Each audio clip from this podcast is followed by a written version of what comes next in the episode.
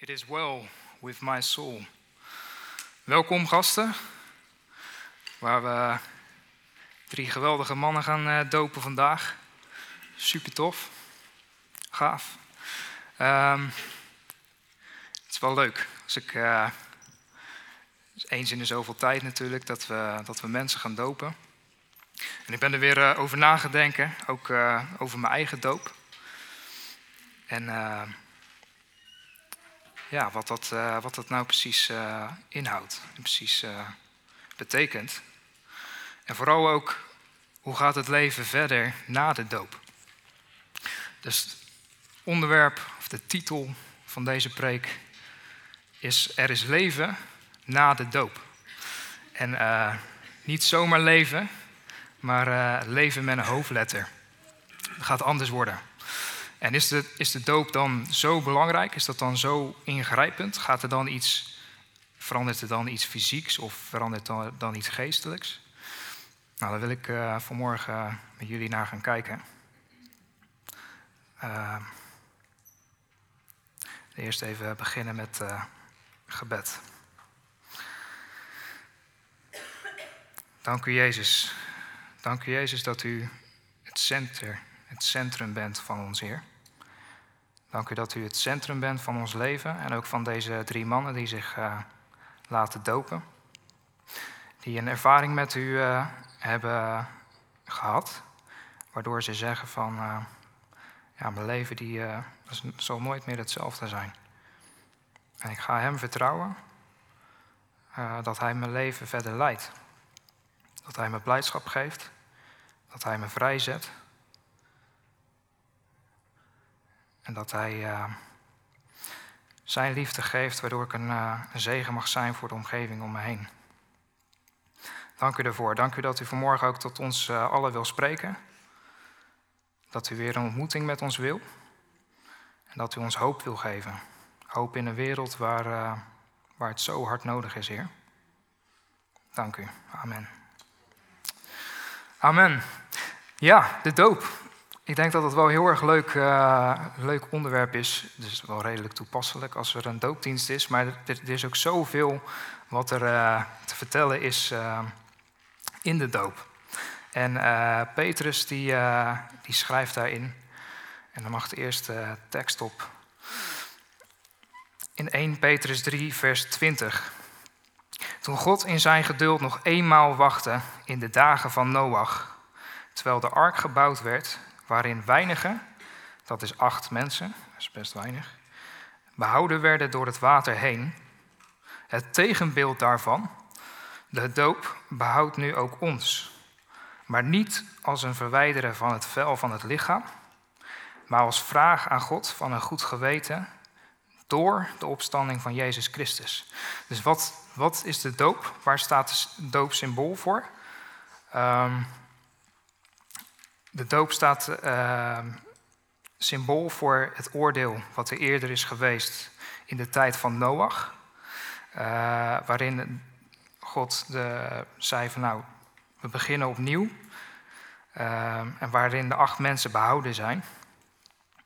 Maar waarvan God zei hierna van dit, dit wil ik nooit meer. Wat, wat hier is gebeurd, dat is, niet, dat is niet mijn hart. Dat is niet wie ik ben. Uh, en dit is niet wat ik met de mensen voor heb. Wat ik met deze drie mannen voor heb. En het tegenbeeld daarvan, de doop, uh, dat laat zien dat wij het vanuit onszelf niet kunnen, maar dat we Jezus nodig hebben.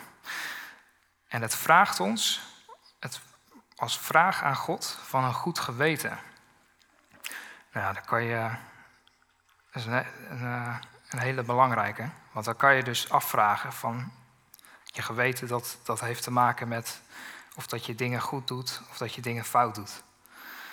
Um, maar het is als vraag aan God van een goed geweten, niet door onze goede daden, niet omdat we nu in één keer een heel goed leven leiden, niet omdat we nu in één keer begrijpen van hé, hey, maar deze dingen deed ik voorheen, die dingen die ga ik vanaf nu niet meer doen.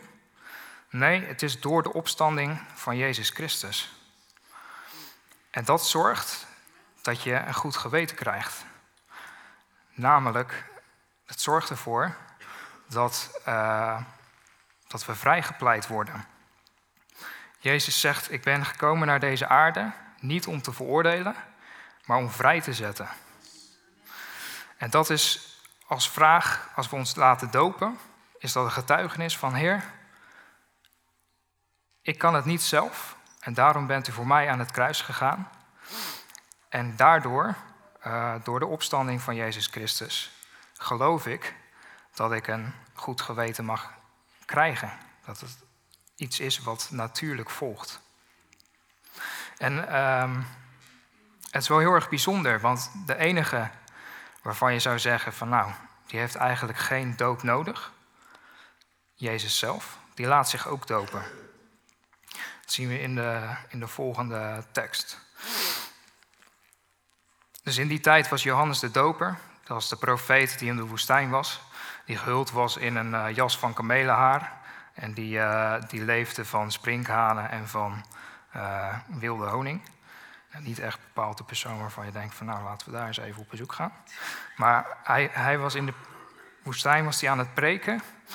En, en dat was echt iets wat, ja, wat God op hem had gelegd. Dus van overal vandaan kwamen de mensen.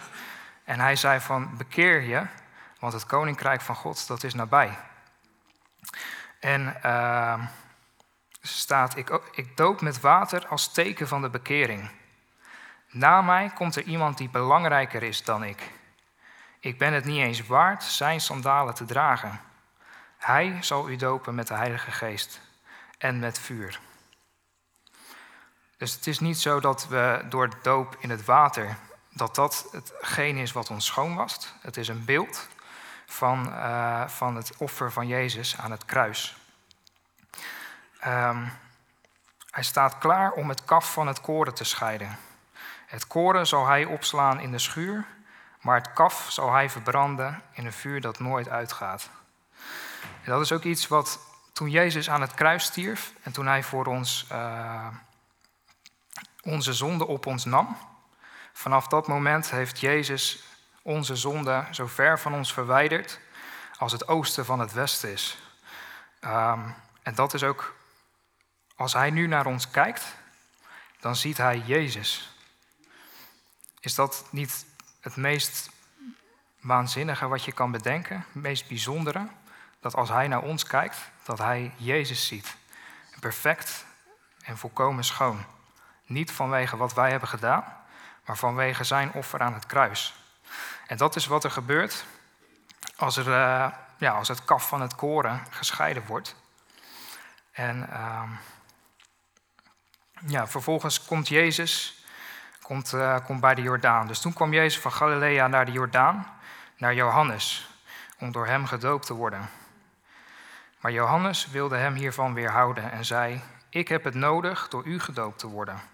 En komt u naar mij? Het is wel heel erg bijzonder natuurlijk dat Jezus, die eigenlijk de doop niet nodig heeft, dat oordeel, dat het, beeld van oordeel, van water, wat over de wereld heen komt. Uh, want, want Jezus was zonder zonde. Dus hij hoefde niet onder het water te gaan en hij hoefde niet dat oordeel te ondergaan uh, om te kunnen leven. Om, om in Gods aanwezigheid te zijn, maar ook om het, het, het ware leven, het eeuwige leven te hebben. Een leven waarin je blijdschap hebt en vreugde en vrede. Dus het is heel bijzonder. En Johannes die zegt, um, ja, waarom komt u naar mij? Het zou, het zou moeten zijn dat u mij doopt en niet andersom. Maar we hebben ook net gelezen dat Jezus die doopt niet met water. Dat is iets wat Johannes doet. Jezus die doopt met de Heilige Geest. En de Heilige Geest die kan in ons komen uh, op het moment dat we echt vrij zijn van zonde. Um, Jezus zegt, ik zal de tempel in drie dagen afbreken. Dat is de oude tempel. We zien door het Oude Testament heen dat God altijd bij het volk wil zijn, zijn volk Israël. Uh, doordat hij in de tabernakel wil wonen, doordat hij in de tempel wil wonen. En Jezus zegt, ik ga de tempel in drie dagen afbreken. Dat is zijn dood. En drie dagen daarna staat hij op. En wat heeft dat als verandering? Dat hij nu in ons kan wonen. En dat is een, een, een wezenlijk verschil met, met uh, het Oude Testament, waarin uh, mannen van God de Heilige Geest op zich hadden, maar waar de Heilige Geest niet in hen woonde. Omdat er toen nog oordeel was, omdat het, het offer nog niet gebracht was. Dus de Heilige Geest kon op hun zijn en ze deden dieroffers, zodat dat, uh, ja, de Heilige Geest op hun kon, uh, kon zijn, maar niet in hun. En wij zijn nu een tempel geworden van zijn geest.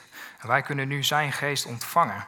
Dus wanneer, Jezus, wanneer Johannes zegt, uh, ik heb het nodig dat u mij doopt, dan kan dat op dat moment nog niet.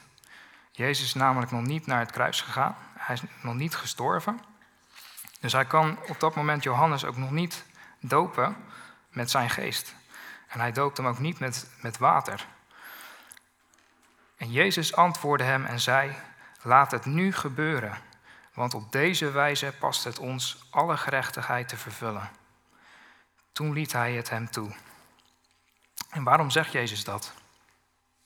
Jezus is de gerechtigheid zelf. Hij heeft nog nooit iets fout gedaan. In die tijd dat hij, ik denk dat hij ongeveer 30 jaar was. Vanaf zijn doop begint hij zijn bediening. Was hij uh, rond de 30 jaar. Um, dus waarom zegt hij dan, laat het nu gebeuren? Want op deze wijze past het ons alle gerechtigheid te vervullen. Toen Jezus gedoopt werd, dat symbool van oordeel, van het water, wat over de, in de tijd van Noach over het, uh, over het land was gegaan. Uh, toen Jezus gedoopt werd en omhoog kwam, toen was hij nog steeds perfect. Dus dit was al een beeld naar het kruis. En het is super bijzonder dat op dat moment dat Jezus gedoopt wordt, dat dan God zegt: Kijk naar hem, dit is mijn geliefde zoon. In hem heb ik een welbehagen, in hem heb ik vreugde. En Johannes ziet dan de duif, of de Heilige Geest, in de vorm van een duif uit de hemel komen. En die landt dan bij Jezus op zijn schouder. En Jezus die heeft dan vanaf dat moment, uh, ontvangt hij de Heilige Geest. En dat is zo'n mooi beeld naar het kruis, waarin we, waar hij voor ons gestorven is, voor onze zonde. En dat daardoor de Heilige Geest in ons kan wonen. Dus hij gaat onder het water, hij komt onder het oordeel, terwijl hij dat niet nodig heeft, want hij is rechtvaardig. En God die zegt, kijk, dit is mijn geliefde zoon. Hij, hij kan in eerste instantie kan hij al de Heilige Geest ontvangen, want hij is perfect. En dat is een verwijzing naar hetgeen wat hij vervolgens voor ons gaat doen aan het kruis.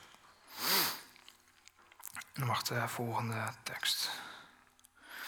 En nadat Jezus gedoopt was, kwam hij meteen op uit het water. En zie, de hemelen werden door hem geopend. En hij zag de geest van God als een duif neerdalen en op zich komen. En zie, een stem uit de hemelen zei: Dit is mijn geliefde zoon, in wie ik een welbehagen heb.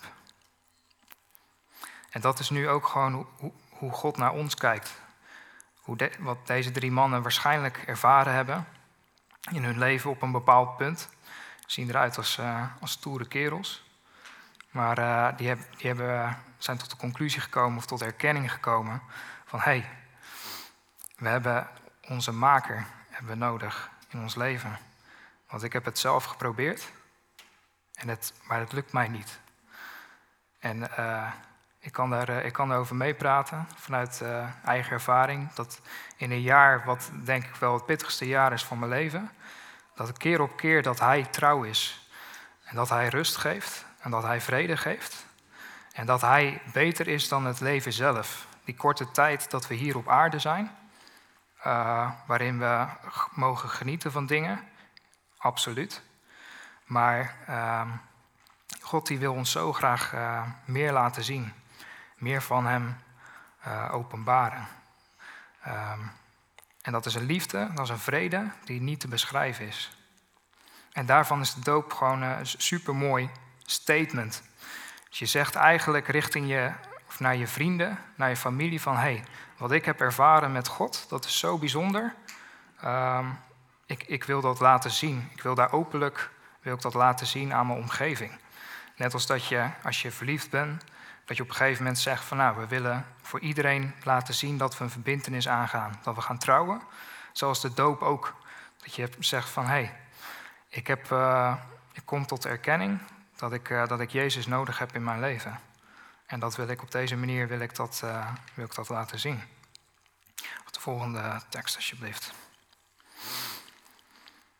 Zie, mijn knecht die ik uitverkoren heb, mijn geliefde in wie mijn ziel een welbehagen heeft. Ik zal mijn geest op hem leggen en hij zal aan de heidenen het oordeel verkondigen.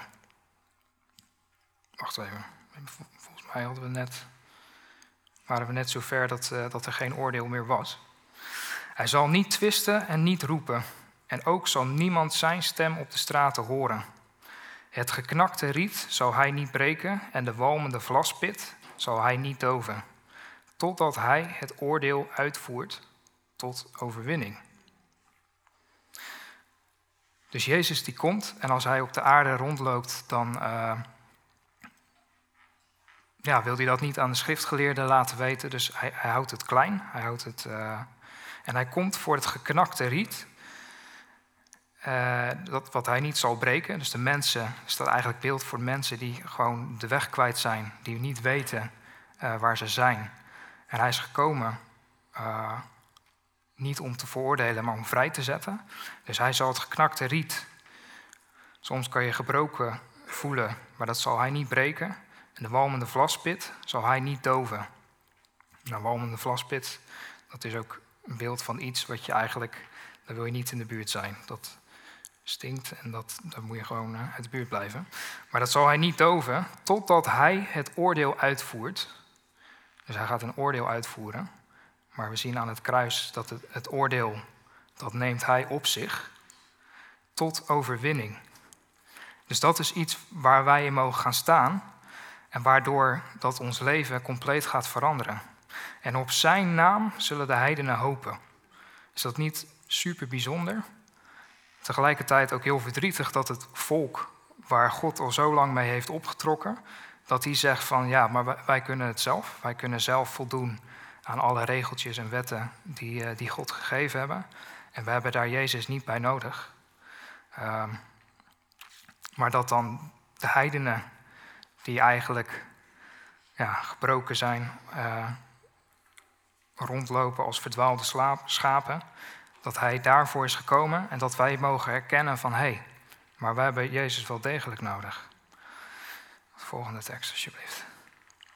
Neem mijn juk op u en leer van mij dat ik zachtmoedig ben en nederig van hart. En u zult rust vinden voor uw ziel.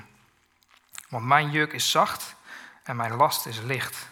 En dat is onze toekomst. Dat is als wij Jezus aanvaarden, mogen we zeggen van, Heer, u heeft het grootste gedragen. U heeft mijn pijn, u heeft mijn verdriet, u heeft mijn ziekte gedragen. Uh, en we mogen leren elke keer opnieuw dat hij zachtmoedig is. Zachtmoedig betekent uh, dat, hij, dat hij liefdevol is, dat hij voorzichtig is. Um, en hij is nederig van hart. De God die alles heeft gemaakt, die het hele heelal heeft gemaakt, die alle sterren bij naam heeft genoemd, die is nederig van hart. Dat is toch bijzonder om te, ja, om te lezen. Dat hij gewoon dat hij een intieme relatie met ons wil. Dat hij van ons houdt en dat hij het beste met ons voor heeft. Want mijn juk is zacht en mijn last is licht. En dat is met, met de dingen die je meemaakt. Als je uh, het perspectief zet van, van wat Jezus voor ons heeft gedaan, dan, uh, dan wordt het niet meer moeilijk, dan wordt het niet meer pijnlijk. Als we mogen roepen op zijn naam, als we mogen zien wat hij voor ons gedaan heeft, hoeveel liefde hij voor ons heeft, dat hij ons niet veroordeelt, dan, uh, ja, dan, dan zet dat alles in een heel ander, heel ander beeld. Volgende alsjeblieft. En wij weten dat voor hen die God liefhebben, alle dingen meewerken ten goede. Voor hen namelijk die overeenkomstig zijn voornemen geroepen zijn. Want hen die hij van tevoren gekend heeft, heeft hij er ook van tevoren toe bestemd om aan het beeld van zijn zoon gelijkvormig te zijn. Opdat hij de eerstgeborene zou zijn onder vele broeders. Dus Jezus, de zoon van God, die noemt ons zijn broertjes en zusjes. We zijn door het offer van Jezus zijn we familie geworden en mede-erfgenaam van Hem. En hen die Hij er van tevoren toe bestemd heeft, die heeft Hij ook geroepen. En hen die Hij geroepen heeft, die heeft Hij ook gerechtvaardigd. En hen die Hij gerechtvaardigd heeft, die heeft Hij ook verheerlijkt. En dat verheerlijken, dat is het moment dat we uh, in de hemel komen, voor Zijn troon staan. En we hebben het vanmorgen ook gezongen, dat we al onze kronen voor Hem neer mogen leggen. Dat zijn alle bijzondere dingen, alle gave dingen die we hebben gedaan in ons leven. En als we uiteindelijk voor Zijn troon komen te staan, dan mogen we zeggen van Heer, dankzij U heb ik dit kunnen doen. Niet vanuit mijn eigen kracht, maar omdat U een goede God bent. En dat is zo bijzonder, dat je door, door de hele geschiedenis van de Bijbel heen ziet dat God onbekwame mensen gebruikt om, uh, om geweldige dingen te doen. Als je kijkt naar Mozes, die uh, niet durfde te spreken zoals ik nu spreek. Hij had nog wel iets meer mensen, misschien maakt dat het iets spannender. Het waren er een paar, miljoen, geloof ik, het volk van Israël. Maar hij, durfde niet in het openbaar te spreken. Dus dan kan je bij jezelf afvragen: van hoe, hoe kan God nou iemand gebruiken uh, die niet tegen het volk durft te spreken. Hoe moet hij ze dan leiden? Wordt best ingewikkeld. Dus hij deed dat in eerste instantie door, uh, door zijn broer Aaron. Dus dan fluisterde hij hem van alles in en hij sprak dan tegen het volk. Jozef, die uh, het favorietje was van zijn vader. Die, uh, bedoel, zijn broers die gooien hem uiteindelijk in de put. Die willen hem vermoorden. Nou, ik weet niet hoe het met jullie zit, maar als je je broers zo ver wil krijgen dat ze je willen vermoorden, dan kan je het favorietje zijn van je vader. Maar wellicht heeft het toen ook wel een klein beetje aan, eh, aan Jozef uh, gelegen. Dat hij gewoon wel echt liep te pronken en ze een beetje uitdaagde. En hij wordt uiteindelijk gebruikt door God om een zegen te zijn voor zijn familie en voor zijn broers. Dus schat jezelf niet te min in door te zeggen van, God kan mij niet gebruiken om, om bijzondere dingen te doen. Want als je dat gelooft, dan, dan is dat ook zo. Want dan verwacht je dat je dat zelf moet doen. Dat je zelf een, een uh, gigantisch talent moet hebben. Uh, of dat je heel erg goed ergens in moet zijn om uh, iets te kunnen bereiken in het koninkrijk van God. Maar God die werkt heel anders. Die werkt vaak andersom. Die gebruikt mensen die waarvan je het niet verwacht, gebruikt Hij om uit te delen en om, uh, om een zegen te zijn voor andere mensen. Um, en dat is uiteindelijk de grotere eer en glorie van Hem. Daardoor worden Zijn woorden gesproken en er worden dingen gedaan die, die de Heer van, te, uh, van tevoren uh, voor Hem bedacht heeft. En we mogen leren om, om daarop af, afgestemd te zijn, dat we het verwachten dat, uh, dat Jezus tot ons spreekt en dat hij een verlangen in ons hart geeft. Dat we, dat we dingen mogen gaan doen uh, ja, waar hij ons voor bestemd heeft, waar hij ons voor heeft geroepen. De volgende tekst. Uh. Wat zullen wij dan over deze dingen zeggen? Als God voor ons is, wie zal tegen ons zijn? Hoe zal Hij die zelfs zijn eigen zoon niet gespaard, maar voor ons alle overgegeven heeft, ons ook niet met hem niet alle dingen schenken? Wie zal beschuldigingen inbrengen tegen de uitverkorenen van God? God is het die rechtvaardigt. Niet wij, niet onze daden. God is het die, rechtvaardigt. Wie is het die verdoemt? Christus is het die gestorven is. Ja, wat er meer is, die ook opgewekt is die ook aan de rechterhand van God is, die ook voor ons pleit.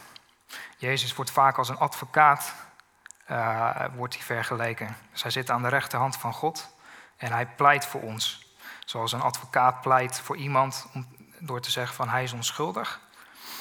En Jezus die zegt niet hij is onschuldig uh, gebaseerd op wat hij heeft gedaan. Uh, maar hij zegt je bent onschuldig gebaseerd op wat ik heb gedaan aan het kruis met het bloed. En uh, ja, daar wil ik ook echt de dopelingen mee zegenen, weet je. Vanaf het leven vanaf nu ehm, mag je gewoon bewust zijn dat Hij in je is, dat Hij in je woont, dat Hij je leidt, dat Hij je wijsheid geeft, dat Hij je geduld geeft, dat Hij je liefde geeft. En dat mag je van Hem verwachten. En als je in de fout gaat, of als je uh, misgaat, of de plank mislaat. Ik wil niet te veel uh, spoilen of uh, verklappen, maar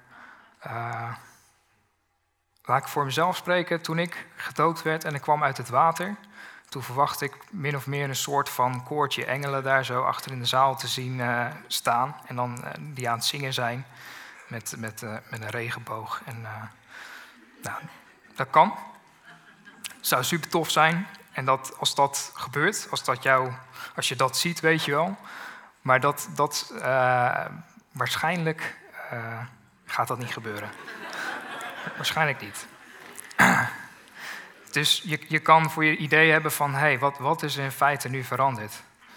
Maar laat ik je zeggen, op het moment dat jij de keuze hebt gemaakt om te zeggen van, Heer, ik heb u nodig en dat is ook het moment dat je de Heilige Geest ontvangt. Dat is niet, af, dat is niet uh, afhankelijk van het dopen.